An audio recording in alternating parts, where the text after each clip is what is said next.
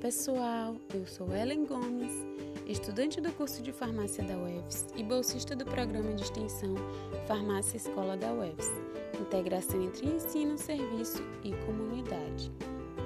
Você já reparou que a pandemia tem favorecido o aumento do uso de medicamentos? Também já reparou que isso pode provocar um acúmulo dos medicamentos nos domicílios?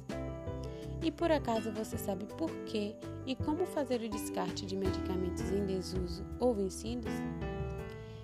Entre as diversas consequências da atual conjuntura mundial da pandemia do coronavírus, tem ocorrido o aumento do uso indiscriminado dos medicamentos.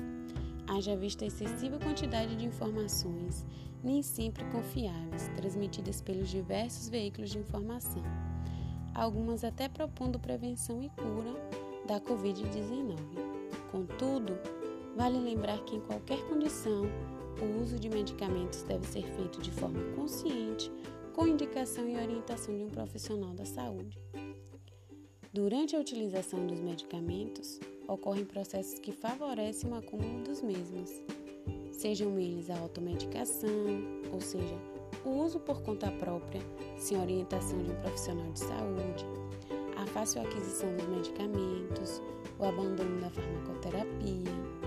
Essas ações, concomitante à falta de informação sobre a forma correta de descartar os medicamentos, contribuem para o descarte inadequado, tais como no lixo domiciliar, em pias e em vasos sanitários. Você já parou para pensar se essa prática está correta? Os medicamentos vencidos ou em desuso não devem ser descartados no lixo comum por conter em sua composição substâncias químicas que provocam contaminação do solo, rios e mares, além de causar intoxicação, sendo nocivo para o meio ambiente e para os seres vivos. Portanto, é essencial que os medicamentos em desuso ou vencidos tenham a destinação final correta.